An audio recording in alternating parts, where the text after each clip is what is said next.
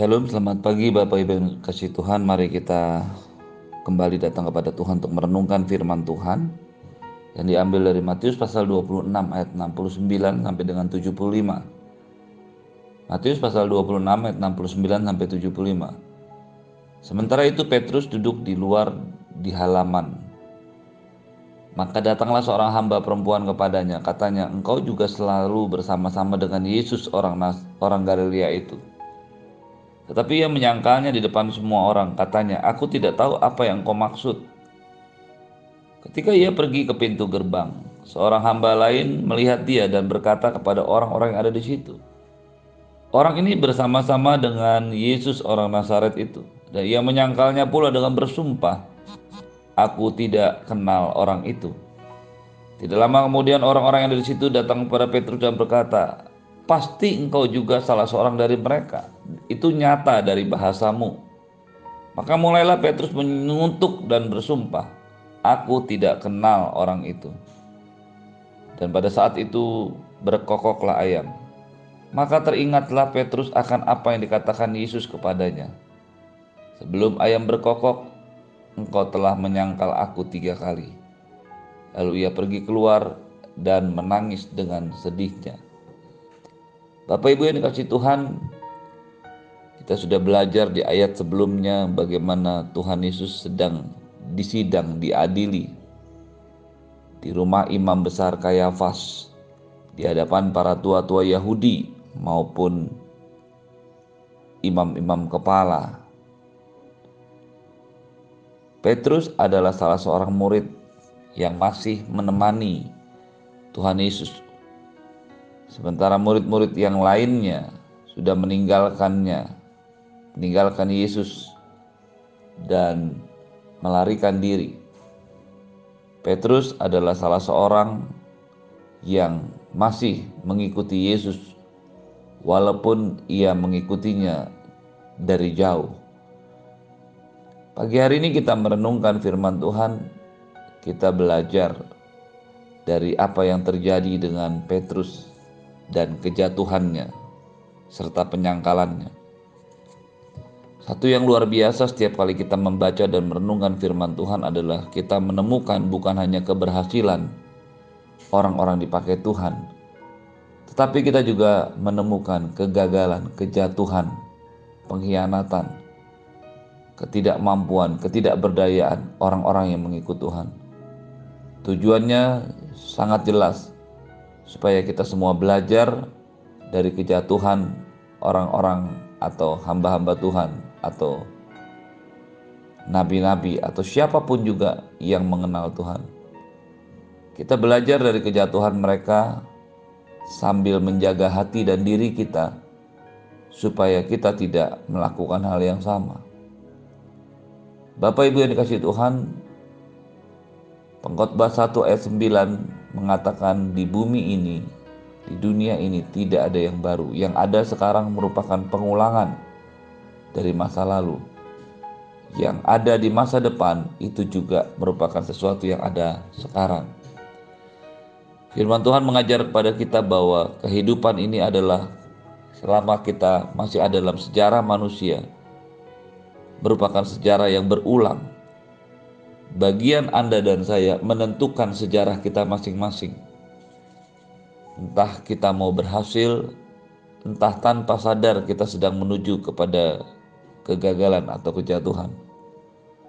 Dengan belajar, dengan mempelajari sungguh-sungguh dengan teliti, apa yang menyebabkan setiap orang gagal dan jatuh dan apa yang menyebabkan setiap orang-orangnya Tuhan berhasil maka kita akan segera menentukan takdir atas diri kita Tuhan tidak pernah mentakdirkan untuk Petrus jatuh ke dalam penyangkalan kalaupun Tuhan Yesus sudah mengingatkan sebelumnya itu adalah sebuah peringatan bukan kutukan. Apa yang dikatakan Tuhan Yesus sebelumnya bahwa sebelum ayam berkokok tiga kali kau telah menyangkal aku menunjukkan bukanlah kutukan dari Tuhan Yesus tetapi merupakan sebuah petunjuk yang nanti akan kita bahas. Tapi sebelumnya kita belajar tentang kejatuhan Petrus. Mengapa Petrus bisa jatuh ke dalam dosa yang sangat memalukan baginya, bagi dia, yang bukan hanya dikenal sebagai murid Kristus, tetapi sering kali menjadi pemimpin dari kedua belas rasul. Petrus menunjukkan bahwa dia adalah orang yang sangat reaktif, orang yang sangat aktif, dan orang yang sangat mengerti firman Tuhan. Mengapa ia bisa jatuh ke dalam penyangkalan diri.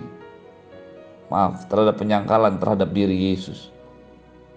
Yang pertama kita belajar ketika Tuhan Yesus masuk di mas ke dalam rumah imam besar Kayafas untuk diadili dalam ruang sidang.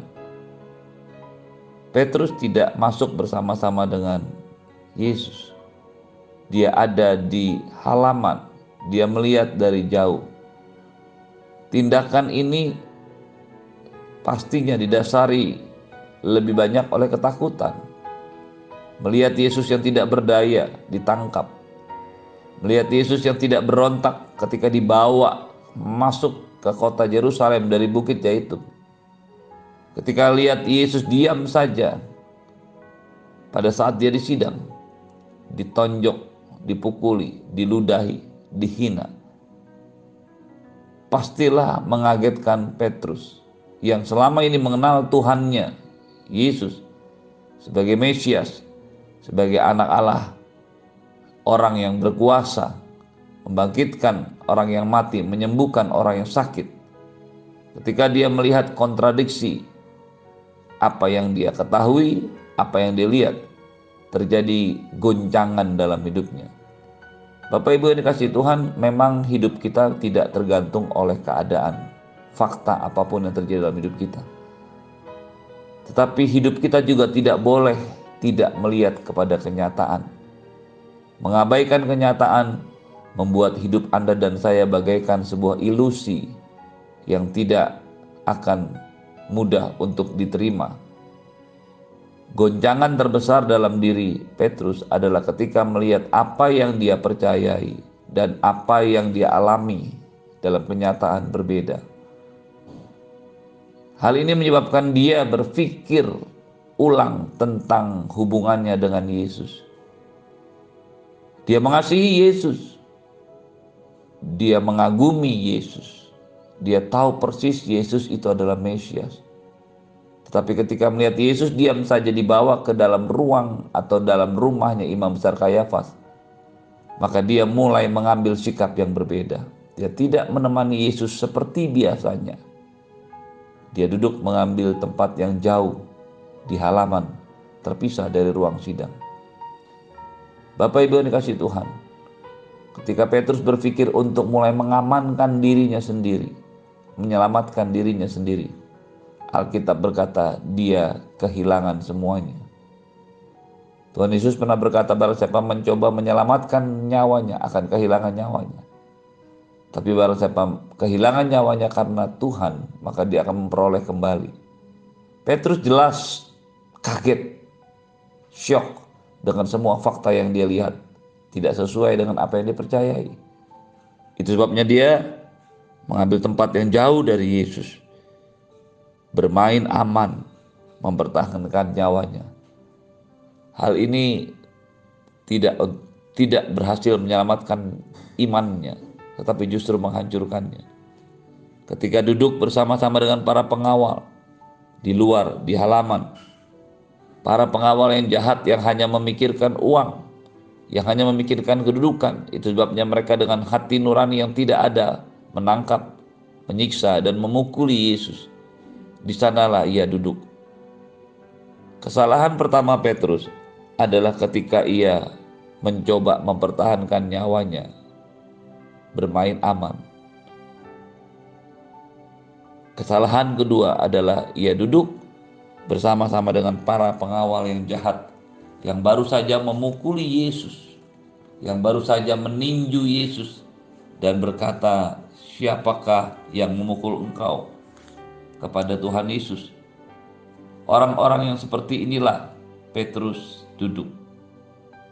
Menarik untuk kita renungkan Mengapa ini bisa terjadi? Mengapa Petrus yang sangat-sangat tahu Yesus, dan sangat-sangat tahu kejahatan mereka, para pengawal, justru duduk bersama-sama dengan mereka.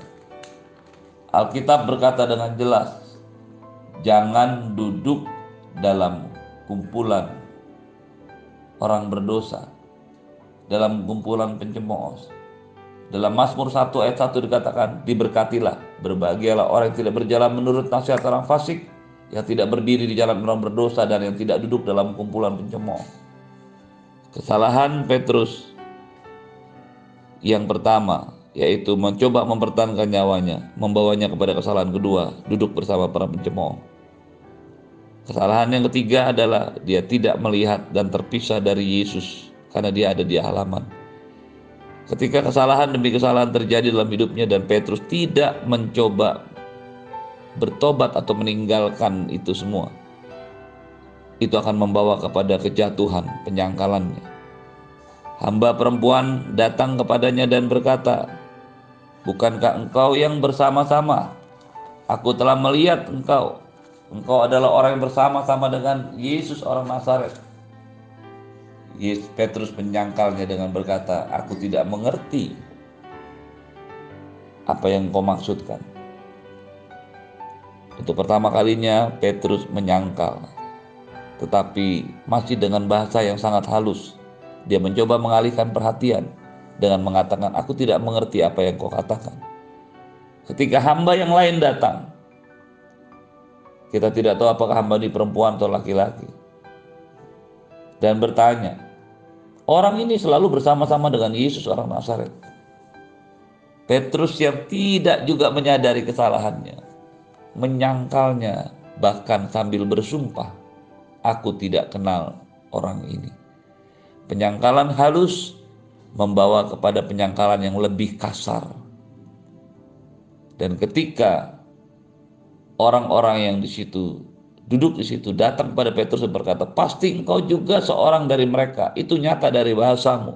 Ketika Petrus menjawab, dialeknya, logatnya kelihatan bahwa dia bukanlah logat Yerusalem. Dialah logat, dia menggunakan logat atau gaya bahasa orang-orang Galilea. Kita tahu persis pada masa itu setiap orang dibedakan menurut status sosialnya.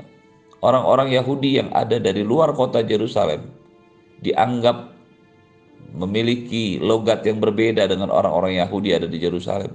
Dan itu sesuatu yang sangat terlihat. Ketika Petrus makin terdesak, walaupun dia sudah menyangkal, mencoba mengalihkan perhatian, bahkan dengan tegas menyangkalnya sambil bersumpah, Ketika dia makin mencoba mempertahankan nyawanya, jatuhlah dia untuk ketiga kalinya menyangkali Yesus dan berkata, bukan hanya berkata, tetapi juga mengutuk dan bersumpah, "Aku tidak kenal orang itu." Perhatikan baik-baik, Bapak Ibu sekalian, tidak ada satu kejatuhan ke dalam dosa yang dilakukan kita yang tiba-tiba. Semuanya melalui sebuah proses ketidakwaspadaan, ketidakpedulian, ketidaksadaran kita apa yang sedang terjadi. Seringkali kita mendengar orang berbuat salah dan berkata hilaf saya tidak sadar. Sebenarnya ketidaksadaran mereka adalah rangkaian dari sebuah proses yang terjadi. Petrus mencoba mempertahankan nyawanya. Petrus duduk bersama-sama dengan para pengawal yang jahat Petrus tidak melihat dan terpisah dari Yesus. Tidak ada kekuatan yang menopang dia. Lalu dia mulai menyangkal, pura-pura tidak tahu, tidak mengenal dengan bersumpah Yesus dan mengutuki dan bersumpah. Bapak Ibu yang dikasih Tuhan, sampai di titik ini Petrus ada dalam kondisi iman yang terendah yang dialami dia bukan hanya menyangkal, tapi bersumpah dan mengutuk Yesus. Semuanya melalui proses kejatuhan yang makin dalam. Tapi syukur kepada Allah, kasih karunia Allah turun ke atas Petrus. Ketika mendengar ayam berkokok, dia bertobat. Dia tahu bahwa ada sesuatu yang salah dalam hidupnya. Ayam berkokok seperti yang dikatakan Tuhan Yesus menjadi sebuah pengingat bel terakhir yang menyadarkan Petrus. Bapak Ibu kasih Tuhan pagi hari ini dengan segala hormat saya ingin mengatakan Tuhan sudah menyiapkan, sudah mengingatkan akan banyak firman Tuhan, banyak keadaan yang terjadi di sekitar kita untuk mengkoneksikan kita, menyadarkan kita kembali betapa dalamnya, betapa luar biasanya, betapa rendahnya posisi kita ketika kita jatuh dalam dosa. Izinkan Roh Kudus menguasai hidupmu. Izinkan Roh Kudus terus mencoba mengingatkanmu. Maka kita akan kembali kepada Tuhan. Terimalah berkat yang berlimpah-limpah dari Bapa di surga cinta kasih dari Tuhan Yesus penyertaan yang sempurna daripada Roh Kudus menyertai hidupmu hari ini dan sampai selama-lamanya. Tidak ada sakit penyakit virus bakteri COVID varian apa pun yang menyentuhmu, tidak ada kecelakaan yang menghampirmu. Semua aman dalam nama Yesus. Semua yang percaya katakan, Amin. Selamat pagi, selamat beraktivitas. Tuhan Yesus memberkati. Shalom.